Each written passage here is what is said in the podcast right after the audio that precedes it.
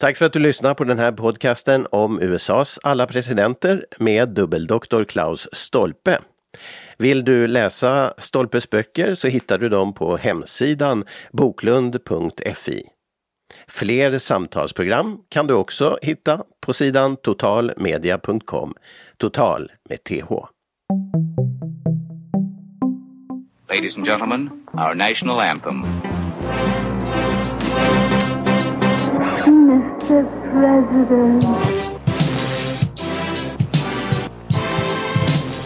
I, John Fitzgerald Kennedy, do solemnly swear. I, Barack Hussein Obama, do solemnly swear. So help me God.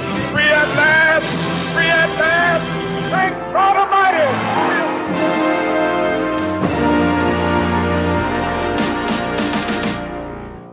Välkommen till den här podcasten som handlar om amerikanska presidenter. Och vi från eh, med samarbete med Skripten förlag och framförallt med vår store USA-kännare, presidentkännare kanske jag ska säga, Klaus Stolpe, välkommen med! Tack, tack! Ja, och dubbeldoktor är du bland annat i just presidenter och historia då. Eh, och eh, dina böcker, de finns ju på förlaget Skriptum och utgivna och eh, även når du dem, du som vill läsa dem så når de på boklund.fi. Och du har ju två stycken, eller hur, som handlar om det här? Ja, alltså det är ju det, är det här Ja, den senaste är ju Trump, Trump och hans värld och som ju explicit handlar om rätt långt om Donald Trump men också liksom om politiska trender i USA och sånt så att lite berör det ju också historien och, och eh, men sedan har jag ju då den här den amerikanska drömmen som ju har ett antal år på nacken vid, vid det här laget för att den är, det är alltså en uppföljning av min doktorsavhandling där jag det är en utvärdering av, av USAs presidenter och, eh, och eh, ja, den, här, den heter Bland åsnor, bland åsnor och elefanter och syftar ju på de här logo, logorna för de kändaste, eller två stora partierna. Och sedan då följde jag upp det med en sån här mer lättläst eller populariserad version som det heter Den amerikanska drömmen som var jag då fick rum med lite mer kanske anekdoter och sånt men att det var ju så mycket som lämnar bort för att så att det är ju egentligen där som den här podden kommer in och lyfter fram sådana lite mer ska vi säga lättsamma saker. Det är en uppfattning om de här presidenterna också liksom vilken, vilken tid de levde i och sånt. Ja, precis. Så, så att det är ännu mer eh, åt anekdothållet kanske vi kan säga när vi pratar om det här. Nej, det är det ju, det är det ju absolut. Det är det, det, är det ju absolut alltså. Vi, går ju inte igenom på, på politiska hårdfakta här eller någonting sånt utan det är mer liksom, lustiga grejer ifall någon har haft, som, haft för vana att simma naken eller något, någonting annat som kommer in på här. ja, Ja, det har vi pratat om. Men, men, och du är ju till vardags vid Åbo Akademi, men i Vasa, inte i Åbo. Utan, och där jobbar du med undervisning framför allt nu, eller hur? Ja, då, jag är då universitetslektor och eh, undervisar i offentlig förvaltning och politisk historia. Så att det, det, är, ganska, det är ganska blandat och det, det är någonting som passar mig bra för att det blir ju inte det blir ju, hinner ju aldrig bli tråkigt helt enkelt.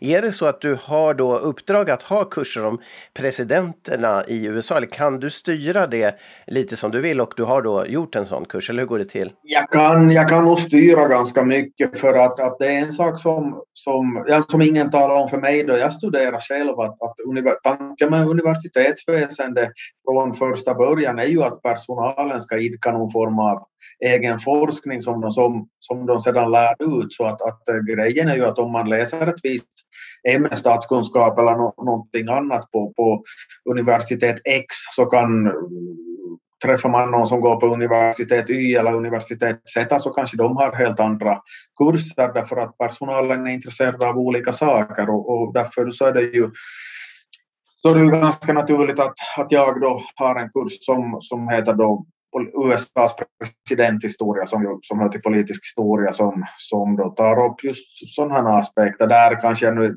där kan jag inte sitta och dra en massa anekdoter hela tiden förstås, även om det sånt är roligare att tala om. Men att, eh, men, men att jo, sånt, så att svara på din fråga, att det där kan man ju styra till, mm en del, eller kanske till och med rätt, rätt långt egentligen. Det, det finns en hel del frihetsgrader kring det här. Just det. Och de som du uh, undervisar, är det personer som sen blir lärare eller journalister eller forskare eller i statsförvaltningen? Eller vad är... Det är ganska, det är väldigt blandat allt som du räknar upp där för att mm. de som är politiska magistrar så de, jag menar, jag var just i försäkringsbolaget och, och den var min förvåning så var det en, en av mina tidigare studerande som som, som, som jag möter i dörren för han jobbar där. Jag hade inte en aning om vad han sysslar med men i och för sig det är en hel del som jobbar på försäkringsbolag av, av någon anledning. Så att de, de sprider sig lite all, all, allstans. En del blir lärare och en del blir journalister. Som kommunalförvaltning, statsförvaltning och olika typer av organisationer. Så att de, de, de sprider sig väldigt duktigt helt enkelt. Ja, precis. Ja, vad intressant. Och eh, ja, själv är jag ju också knuten till Åboakademin, men i Åbo numera och det är ju för juridisk eh, eh forskning då för min del. Men jag leder den här podcasten och det är ju eh, du Klaus som står för innehållet och det är oerhört lärorikt tycker jag också med de här överraskningarna. Och faktum är att nu börjar det bli överraskningar eller vad ska man säga sådant som, som är svårare att känna till. Martin van Buren och jag undrar då om den här din gamla elev där på försäkringsbolaget där du var idag, om han kunde ha placerat in Martin van Buren? Ja, då, det, där, det där har vi snackat om. Jag tipsade jag så det var en lite ledande fråga. Jag, jag, tror nästan att han skulle kunna göra det för att, det, att Martin van Buren, Buren är, är ju en av de mest okända presidenterna som USA har haft. Så att man, skulle man be folk räkna upp att kom, räkna upp alla amerikanska presidenter du kommer på så hör han väl till dem som då kanske nu folk bommar på, men att det är mina, de, som, de som har gått på mina kurser så brukar veta att, att Van Buren är, är den åttonde i ordningen för att det är en sån här helt sjuk,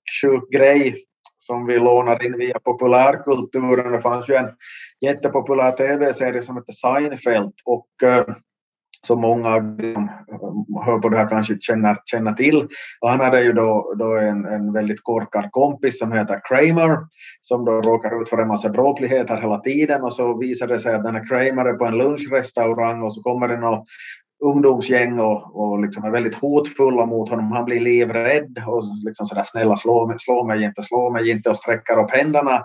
Men att det är att han håller i saltkaret med, med tummen och pekfingret. Och så att då är det tre, tre, tre fingrar som är uppe i luften från den handen och alla fem från den, från den andra. Och eh, då blir de väldigt goda kompisar för att där, de där ligisterna som kallar sig för Van Buren Gang och det, det, det, det, det där är då deras hemliga signal att, att visa upp åtta fingrar på det där viset för att de har Martin Van Buren som, som, som idol helt enkelt. Och det är, det är så sjukt för att, ursäkta mina fördomar, men att jag tror att kriminella eh, eller ungdomsligister så känner jag väl knappast till Martin van Buren i någon större utsträckning och det där brukar jag berätta och, och det är alltså åtskilliga tillfällen då när jag träffar någon gammal studerande så, så har de sagt att, att det där kommer de liksom ihåg. Att det, det är någon sån, den är så, så knäpp så att den där, den där detaljen är så knäpp så att den, den etsar sig fast helt enkelt.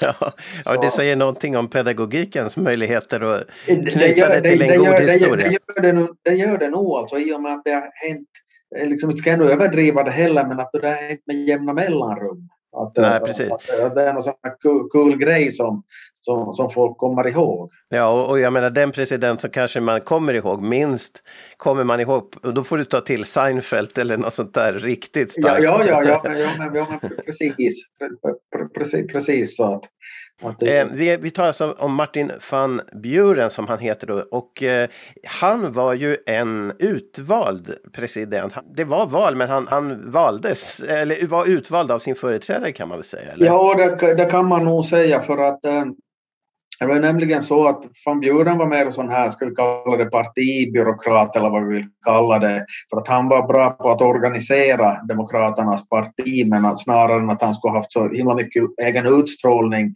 Men grejen var då att, att den här Andrew Jackson som ju var en väldigt profilerad president som då Van Buren var, var vicepresident åt så, så liksom uppmana uppmanade sina partikamrater då att nominera Van Buren till presidentposten och, och, Jackson hade ändå ett så pass starkt inflytande så att han, Andrew Jackson var bra på att få sin vilja igenom ska vi väl säga. Och, mm. och Van, Buren, som var i, i goda böcker hos, hos Jackson, då, då, då, liksom, då blev det så. Ja.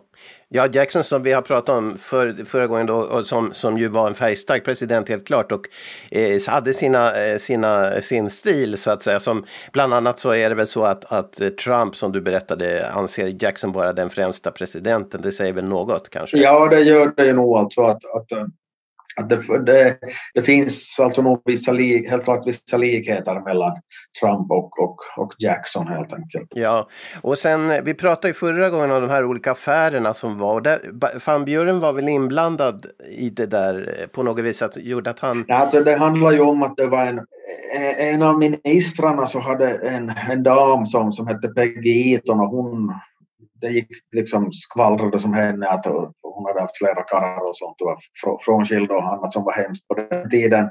Och, eh, och de här andra ministerfruarna så frös ut henne, nästan mobbade henne på tillställningar och sånt och Jackson så, så tyckte att det där var på, helt på tok men att Van Buren så, så han, han liksom hängav sig inte åt, åt det där utan betraktade den där damen med respekt.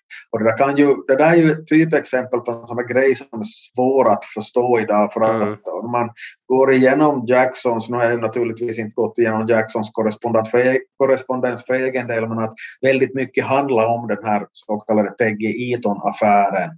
Och, eh, och Jackson var, var väldigt upprörd över folk. Det berodde på att hans egen fru hade liksom råkat ut för motsvarande tisslande och tasslande så han, han, han var som helt fed up med, med, med dylikt och tog, tog parti för denne Peggy Eaton och eftersom och det där så ska nog ha gett en hel del förtroende eh, mellan femdjuren och, och, eh, och, Jackson i och med att femdjuren liksom höll, betedde sig som folk där. Ja, ja precis. Ja. Eh, det blir det här när, när presidenten är en människa och så blir det intrigerna och ja, det, det som vi i och för sig har sett i USA sen väldigt mycket om, om och även i, kung, mm. i pressen, i kungariken och allting där i skvallerpress, inte vet jag. Men det, det är klart att moralfrågor är ju känsliga förstås när det blandas in i... Att proportionerna kan man ju diskutera. Jag kan ju förstå att, att en sån där sak kan väcka väcka känslor och så, men att, att det ska, man tycker väl som sagt var ändå att USA skulle ha haft liksom mer viktiga saker att fokusera ja, på. Men eh, när eh, van Buren då blir vald så, så är det väl liknande med hans vicepresidentkandidat att det finns en eh, lite problem, moraliska problem i den tidens sätt att se det eh, som gör att inte man, han blir inte med eller hur var det nu? Nej, det, där har vi en annan, en annan intressant grej därför att eh, hans vicepresidentkandidat Johnson så, så levde med en eh, färgad kvinna och hade två barn med henne. De var inte gifta men att, att det där så föll ju inte sydstatsdemokraterna i, i, i smaken så att, eh, att det var det blev väldigt knepigt att då vid själva den formella omröstningen då de här elektorerna skulle avge sina röster så, så var det en hel del elektorer som blankröstade hellre än att rösta på den där Johnson så att det slutade med att, att eh, eh, de man räknar elektorsrösterna så blev då Van Buren vald till president men Johnson hade inte tillräckligt många röster för liksom för vicepresident. Det borde ju bara vara en formsak men mm. att det var en del proteströster så det slutade med att man, man förde över det där valet till, till, till senaten helt enkelt. Så att senaten slog fast att den Johnson skulle bli vald. Och sen då, då Van Buren skulle bli omvald 1840, vilket han inte lyckades med för han förlorade ju då mot William Harrison, så då, då var det på det viset att, att då hade man inte ens nominerat någon vicepresidentkandidat formellt inom Demokraternas parti i och med att, att det blev en splittring för att Van Buren ville fortsätta med Johnson men att, att, att man, man kom fram till att det där får vi, får vi helt enkelt se tiden an och, och så att man hann, man hann inte helt enkelt nominera formellt en vicepresidentkandidat före själva presidentvalet. Nu förlorar ju Van Buren det där om, omvalet i och för sig så mm. det spelar ju, ingen, spelar ju ingen roll i praktiken men att det var ju ganska det var ganska speciellt helt enkelt. Just det. Men det här, så det här med tvåan i valet hade man frångått redan tidigare? Jo, för att man, man insåg då redan där kring, kring eh, kring början av 1800-talet det var totalt ohållbart. Det, det, som, det kulminerade ju först var ju som Adams hade ju Jefferson som vicepresident och, och tvärtom Jefferson, sen då han blev vald så fick han Adams som vicepresident. De tyckte ju inte om varandra.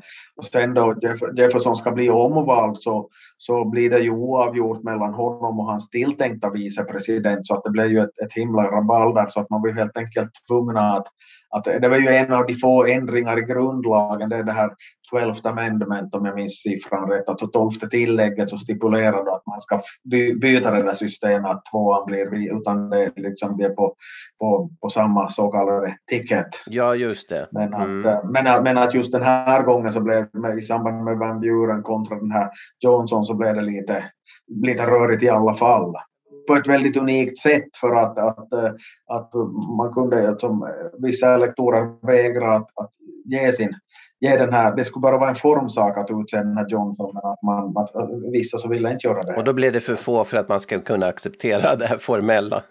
E, e exakt.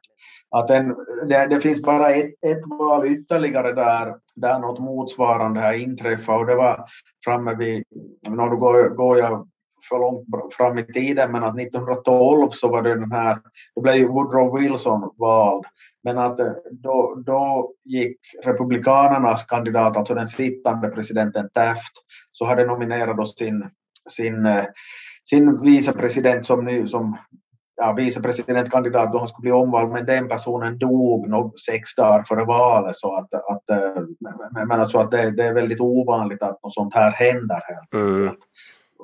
Nu gällde ju med Van Buren så gällde ju dessutom en person som var vid liv men att på grund av hans liksom det parförhållande han levde i så, så var det inte liksom som kunde accepteras av vissa, vissa sydstatsdemokrater helt enkelt. Ja, en moralfråga i den tiden så att säga avgjorde det. Ja, jo, jo, jo. Men, men det här valet då, 36, eh, då var det ju Ehm, då, det var lite märkligt hur motståndarna delade upp sig där, eller det kanske var då man insåg hur strategiska, eh, hur man inte ska dela upp sig alls med strategiska kandidater, eller hur? Jo, det var, det var, väldigt, det var väldigt märkligt det där, för att, eh, att vid den här tiden så, så hade de som tyckte illa om Jackson, jag sa här att han var på, påminde lite om Trump så tillvida att han, man var antingen för eller emot den här Jackson. Och de som var då mot Jacksons hade organiserat sig i ett, i ett parti som kallades för Whigs. Eh, de, de fanns då liksom från mitten av 1830-talet fram till mitten av 1850-talet, så det var 20 år som de var säga, mot, motkraften gentemot demokraterna. Och eh, de, de där så, de hade så kort tid på, på nacken, eller hur vi ska säga, så att de, de hade inte kunnat ordna något sånt här nationellt konvent eller något liknande så att faktum är att de går och nominerar tre olika kandidater ja. liksom helt regionalt. En i, en, i, en i norr och en i söder och en i liksom mitten och mot västernhållet till USA, alltså ganska litet till ytan vid den här, eller jämförelsevis i alla fall. Och eh, och då tänkte man att om, om de där plockar elektorsröster från sina respektive hemtrakter så betyder det att ingen får en majoritet av, av, av elektorsrösterna och då går, då går avgörande till representanthuset. Man tänkte helt enkelt att då tar representanthuset och väljer någon av dessa tre. Och det där så gick ju inte alls, alls vägen utan det är ju Van som, som vinner. Det som då är, är speciellt här eller no, själva den där nomineringsprocessen är ju oerhört speciell, men att, att uh, den som är starkast av de här tre från Whigs, så det är då William Henry Harrison. Och då det är val följande gång så då nominerar man honom för han har ju då profilerat sig som den som var starkast bland, bland Whigs helt enkelt. Men att det låter ju, det är ju ungefär som om, om uh, om Demokraterna skulle ha nominera, senaste valet skulle ha nominerat Biden och Hillary Clinton och Pete Buttigieg eller någonting sånt och tänkte att ja men någon, någon av dem kan, kan väl vinna. Ja. Men var det, var det tanken, det var inte tanken att försöka vara smart utan det var lite klumpigt helt enkelt att var och en... Ja, det var väl nog så att, att eh, det blev en tidsbrist där helt enkelt så att det var väl det minst dåliga alternativet. Men i och för sig det var ju nog de som propagerade för det och konstaterade att nej men alltså nu, nu väljer vi den här lösningen, att vi, vi kan vi prövar helt enkelt för att det, det, det, borde kunna gå men att det, det gick ju bevisligen inte. Sen har ju inget, inget, dominer, inget parti har ju gjort sådana fler gånger så att vi vet ju inte kanske, kanske det skulle vara en fiffig strategi men att det blir ju lite, det blir ju lite konstiga signaler till väljarna att ja, men alltså, vem, vem, vem vill de egentligen ha som president från det där gänget? Ja, just det. Ja, vad intressant men, men eh, då blir ju i alla fall von Buren vald och han han, nu har vi ju det här igen att det är en stark president, mycket färgstark president före och eh, ja, hur gör man? Det är väl lätt att hamna i skuggan kan man tänka sig då. Eh, hur, alltså, ja. så, så, så, så är det ju nog att det var ju lite, det här kan jämföras med då då John Adams skulle ta över efter, efter George Washington. Mm, jag tänkte på det. Att, man, att, eh, det, det tror det är en ganska god jämförelse till och med att, att till och med på installationen så blir det en Van Buren i skuggan av, av sin företrädare. Att, och, och det sades då att ovanligt nog så hamnar den stigande solen i skuggan av den sjunkande solen. Det var något sånt citat från någon tidning, tidning på den, den, tiden. För att, och likadant som då John Adams tog över efter George Washington så att, att oj titta där kommer den sittande presidenten, vem är den där lilla typen där Ja just ja, det är den nya. Ja, li, li, li, lite så. Men det var något med snus, han försökte, man trodde att han skulle utmana i någon scen som återberättas. Att han skulle utmana sin motståndare, eller Jacksons motståndare.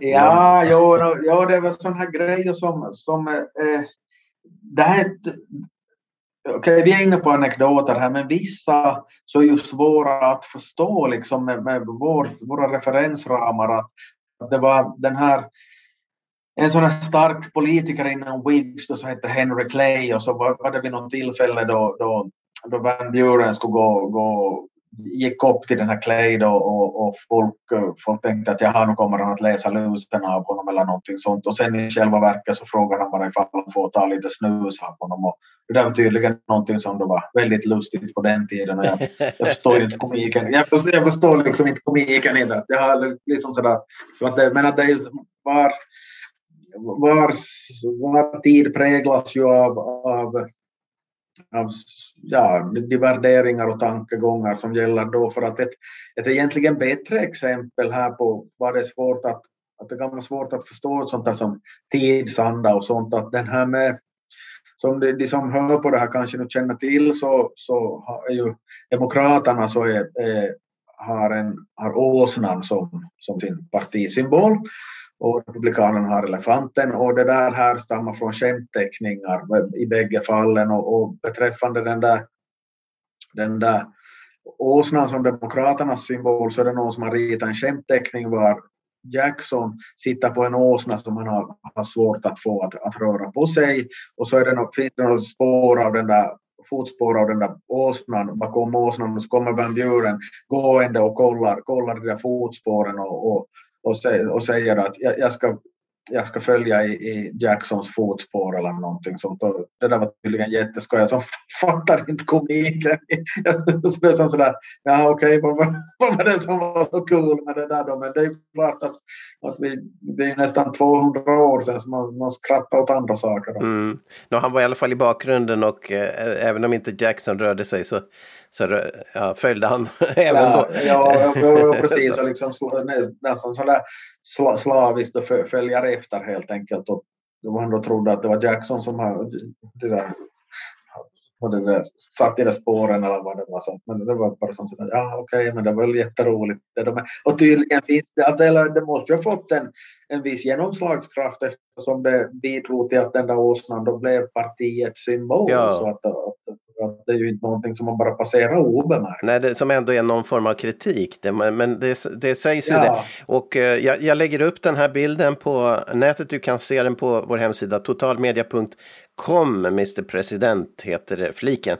Så lägger du upp den så får ni se vad, om den är roligare när man ser den på riktigt. Det var, Jackson kallades väl Jackass? Var det inte så det ordet? Som ja, ass, och, och, åsna ass. Ja, ja, ja Ja, precis. Alltså, en viss som en mulåsna. Och, mm. Om man sa honom, vilket han ju de facto var. Alltså, han skulle han skulle prompt ha sina, sin, sin vilja igenom. Ja, precis. Och det där var ju en sån grej som kom att sätta sin prägel på Van Burens presidentskap på ett ganska trist sätt därför att, äh, att äh, Jackson så misstrodde ju allt vad sån här bankväsende hette och ville inte ha någon sån här nationalbank och, mm. och, och, så vidare.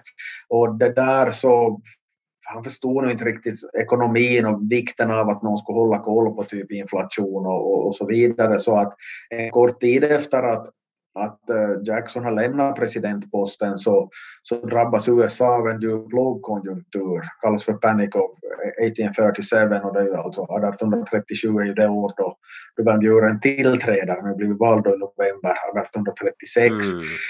Och, ehm, och det blir ju, det är klart att den inträffar ju under Van Buren, men man, den kan spåras till Jackson, men att det blir ju Van Buren som helt enkelt får klä skott för det, därför att allting var så bra medan vi hade Jackson som president och nu blev det dåligt och vi har Van Buren och, och sen så började det gå en massa struntprat om att han levde ett lyxliv i Vita huset och inte bara med god mat och dryck utan också påkostade renoveringar och, och liknande. Och det visade sig att det stämmer inte överhuvudtaget, att det var inga liksom, extravaganser på, på det viset. Mm. Men att det hade ju folk möjlighet att kolla sånt på den tiden så att man, man, man, man liksom spred ut falska rykten om honom som folk, folk trodde på. Klart att det var ju extra tacksamt att, tacksamt att få en syndabock ifall man själv hade det illa ställt rent, rent ekonomiskt och, mm. och inte fick riktigt pengarna att räcka till för, för dagen. Så att, men, men han, eh, så att han, han, han stannar bara en eh, period, är det så då? Alltså? Ja, för att han, att han försökte ju bli, bli omvald. Mm. Men, eh, men, eh, men det, det, gick ju på, på tok då för att då 1840 så, så utmanas han ju av William Henry Harrison och eh, och det, här, det där är ju en av de mest eh, intressanta valkampanjerna någonsin. För den var oerhört påkostad för sin tid. Det var parader och det var, man liksom gav ut, sålde produkt, raklödder och, och whisky och allt, allt möjligt med de här kandidaternas namn på fjantiga sånger som man sjöng och det ena med det tredje. Och, eh, och det ledde ju också till att valdeltagandet blev ju rekordhögt, det var strax över 80 procent, det är det tredje högsta valdeltagande någonsin. Alltså givet att man kan förlita sig på de officiella siffrorna, för man vet ju inte om det, alltså jag kan, det förekom väl valfusk i en större utsträckning på den där tiden kan jag tänka mig att det var, var folk som blev fast för att ha åkt liksom ångbåt längs Mississippi-floden och stannat och klivit av och röstat på varje ställe där båten stannade. Okay. vidare. Men att man, att I vilken utsträckning sånt förekommer. Att vi, alltså vi har ju bara de officiella officiella röstetalen och då, av, av de som var röstberättigade så skulle det då ha varit strax över 80 procent som, som, som gick och röstade.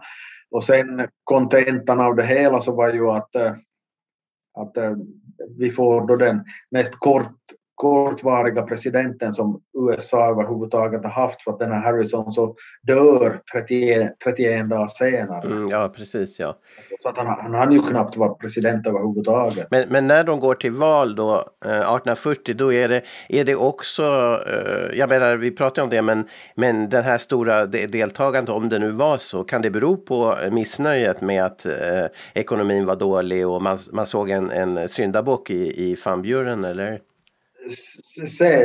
Säkert, men att det var ändå många må, många som tyckte hyfsat bra om honom för att det var ju inte så att den här Harrison nu vann så där helt otroligt överlägset. Om jag minns ja, ja. rätt så, så tog han väl nog större delen av elektorsrösterna men att, att eh, det var väldigt jämnt i väldigt många delstater så att, att det var ju inte frågan om att Van Buren skulle haft ett mikroskopiskt stöd eller något, något, något sånt utan då fanns det ju de som ändå tyckte att, att man, vi ska fortsätta med den här att han är ju, han är liksom han är liksom vettig typ och dessutom så var, så var Harrison, no, inte skulle han ju upplevas vara så gammal i dagens läge men han var, han var 68 år och, och sett till hur, länge, hur lång tid folk levde på den tiden så, så, så var han ju väldigt gammal.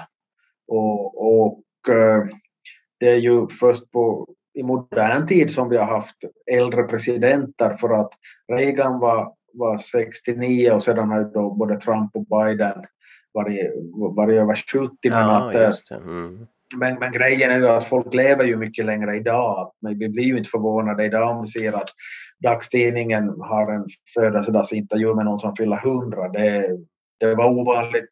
Då jag var liten så, så hajar man till att kan någon bli så gammal men att du liksom reagerar ju inte för det idag längre. Och, och menar en som, som var nästan 70 på 1840-talet så måste jag, ja, alltså han måste ju vara exceptionellt gammal. Jag, jag bara drar till med någonting här, men det måste ju motsvara som om någon skulle vara 90 idag eller något, något, något liknande. Ja, precis. Ja.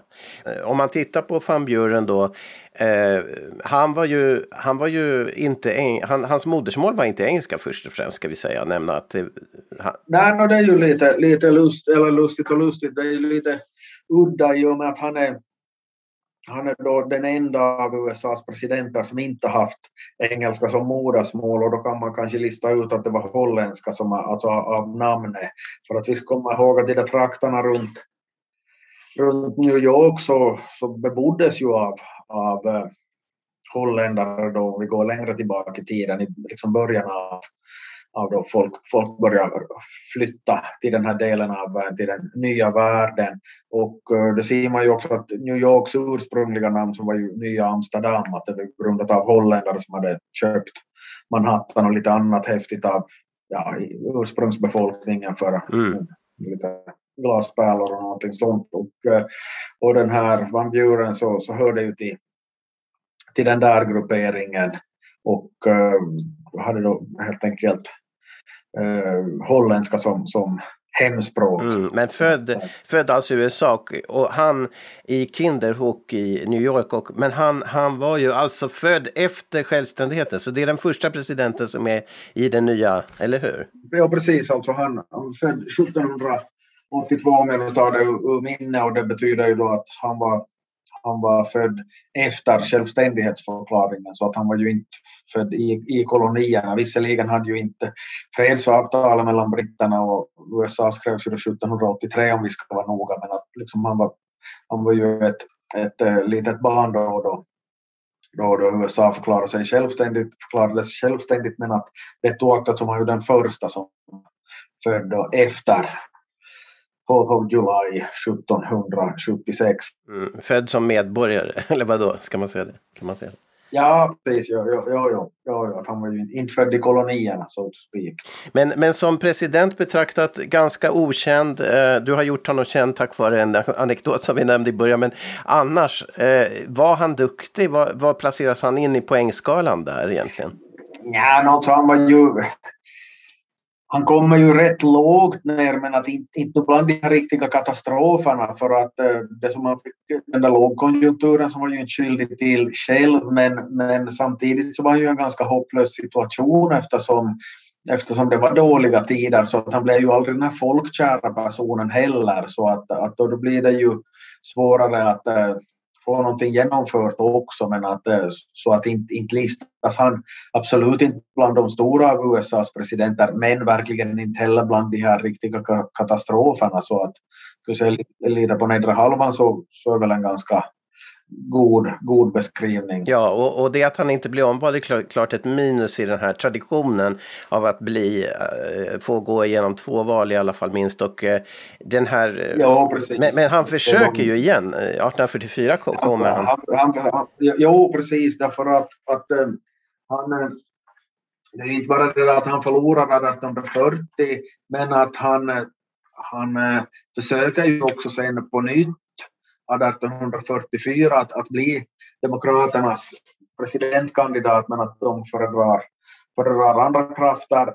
Och eh, sedan så, så faktiskt så, så försöker han försöker han på, på nytt via ett, via ett helt annat parti för att eh, vid den här tiden så, eller efterhand så blir ju, växer ju den här frågan om slaveri och, eh, mm. och där finns det ett parti som heter Free Soil Party, alltså Aha. Fri, fri, fri jordpartiet och där så, så ställ, ställer han upp men att det går ju inte, det går ju inte sådär, sådär riktigt bra, alltså han får, han får det här han, 10 procent av röstarna, vilket ju alltså är, är mycket för någon som kommer på tredje plats i, i ett i ett amerikanskt presidentval, så att mot den bakgrunden, men att för en, för en sittande president är det ju inte så, så smickrande naturligtvis. Men det här Free Soil Party, kan man säga att det är lite verkligen grogrund för eh, Republikanerna sen, eller?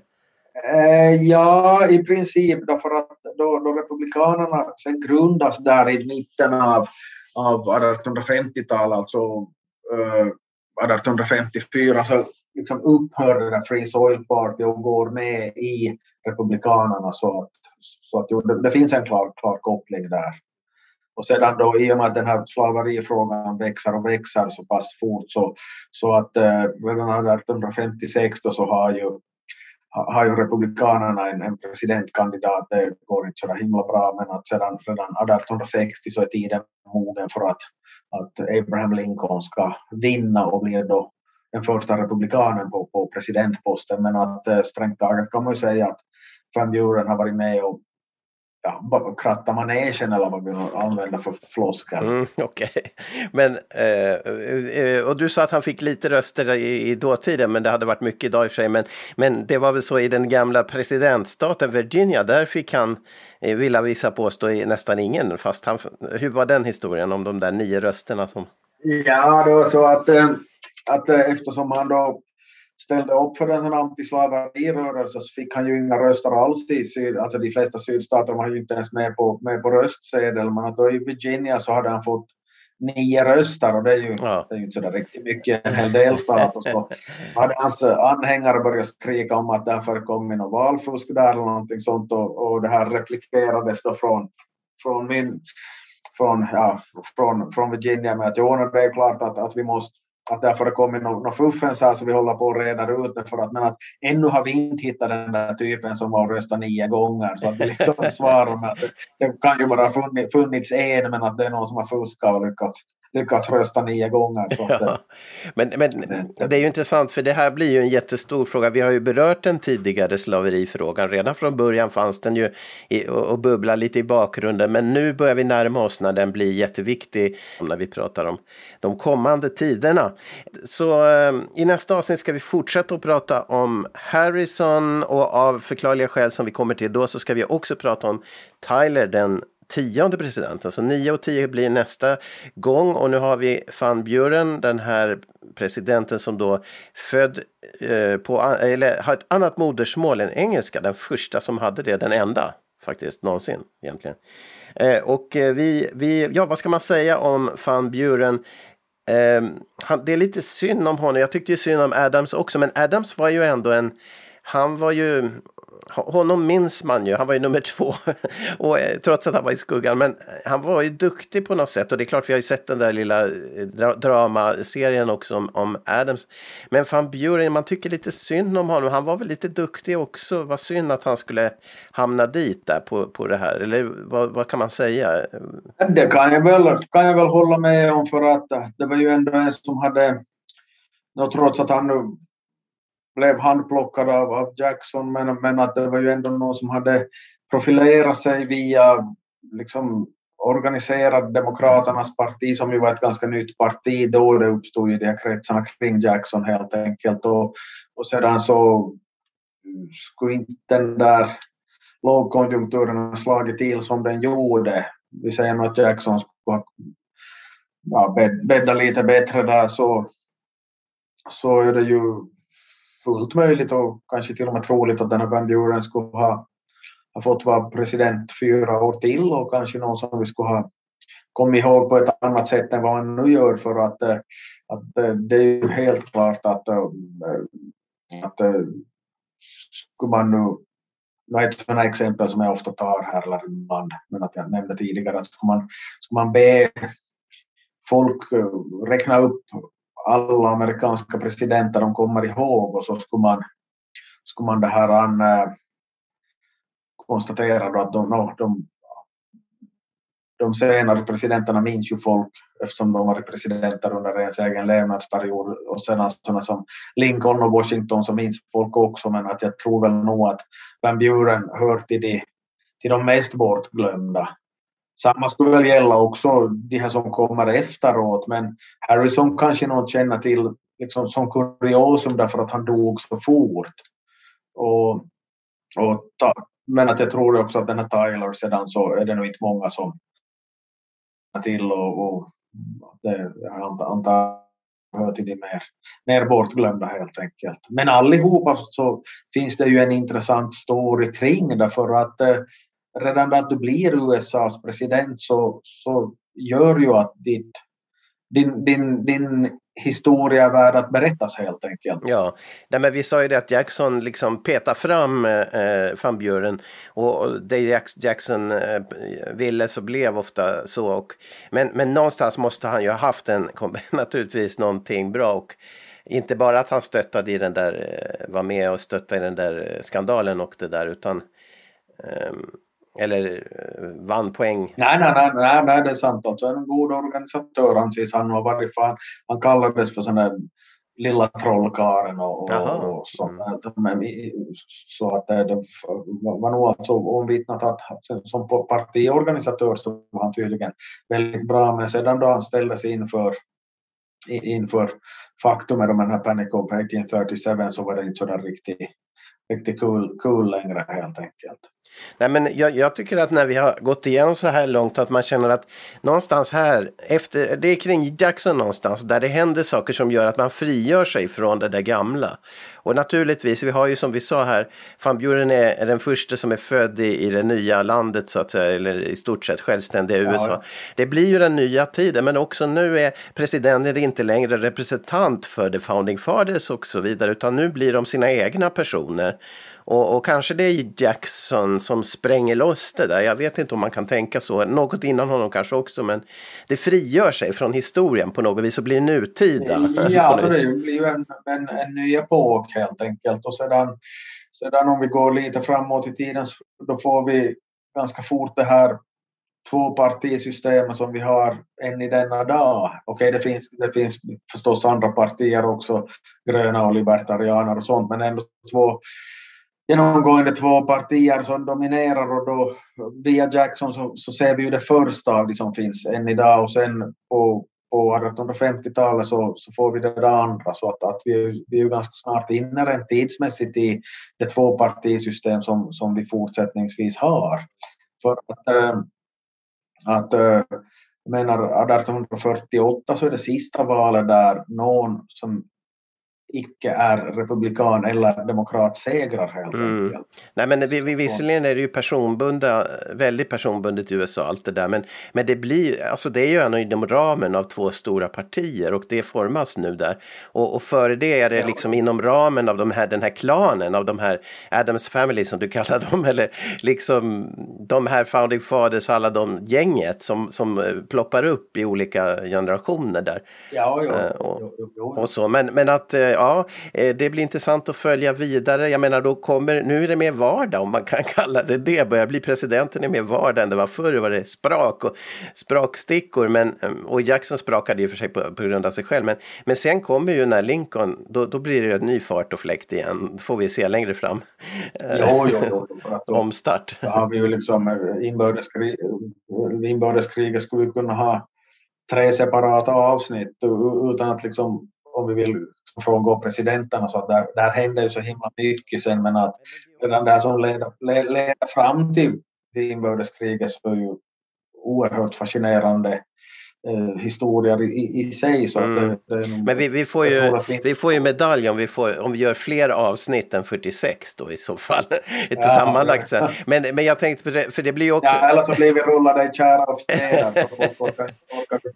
Ja, men det, finns, det, det är ett fritt val. Men, men jag tänkte på det, just det här att definiera om, för, för det är väl det vi kommer fram till, att det blir lite vardag. Alltså nu är de presidenter och de harvar på. Det, det är i och för sig en frigörelse från det där gamla, men det är ingen uppfinning. Det är inte, man uppfinner inte utan man förvaltar och då kommer ju in den här Lincoln sen som, som liksom omdefinierar. Jag menar, talet vid Gettysburg Address, Gettysburg Address där han, han knyter tillbaka och omdefinierar hela eh, USA-projektet. Antagligen kan man tänka så, men vi får se vad vi kommer fram till när vi pratar om det. Men, ehm, nu är det väl mer, mer förvaltning att hålla i så att inte skutan ramlar känns det som. Särskilt för fan Buren när det blir kris här. Som, Ja, men sedan ännu, om vi nu ger en liten smakbit på vad som komma skall, Mm. så, så att äh, redan där då under 1840-talet, som före inbördeskriget, så har vi då ett, ett krig mot Mexiko där Mm. USA igen en gång blir väldigt mycket större.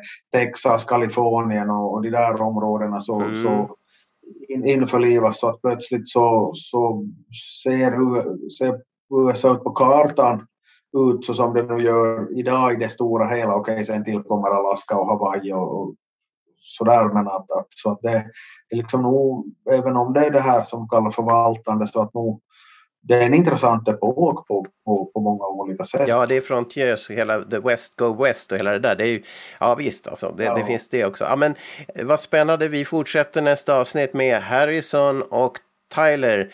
Och tack så mycket Klaus Stolpe för den här gången ja tack själv, tack själv.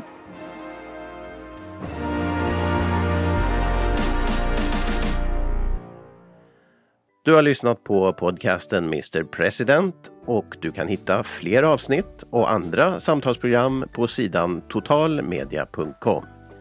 Vill du läsa Klaus Stolpes böcker om USA och presidenter så hittar du dem på sidan boklund.fi.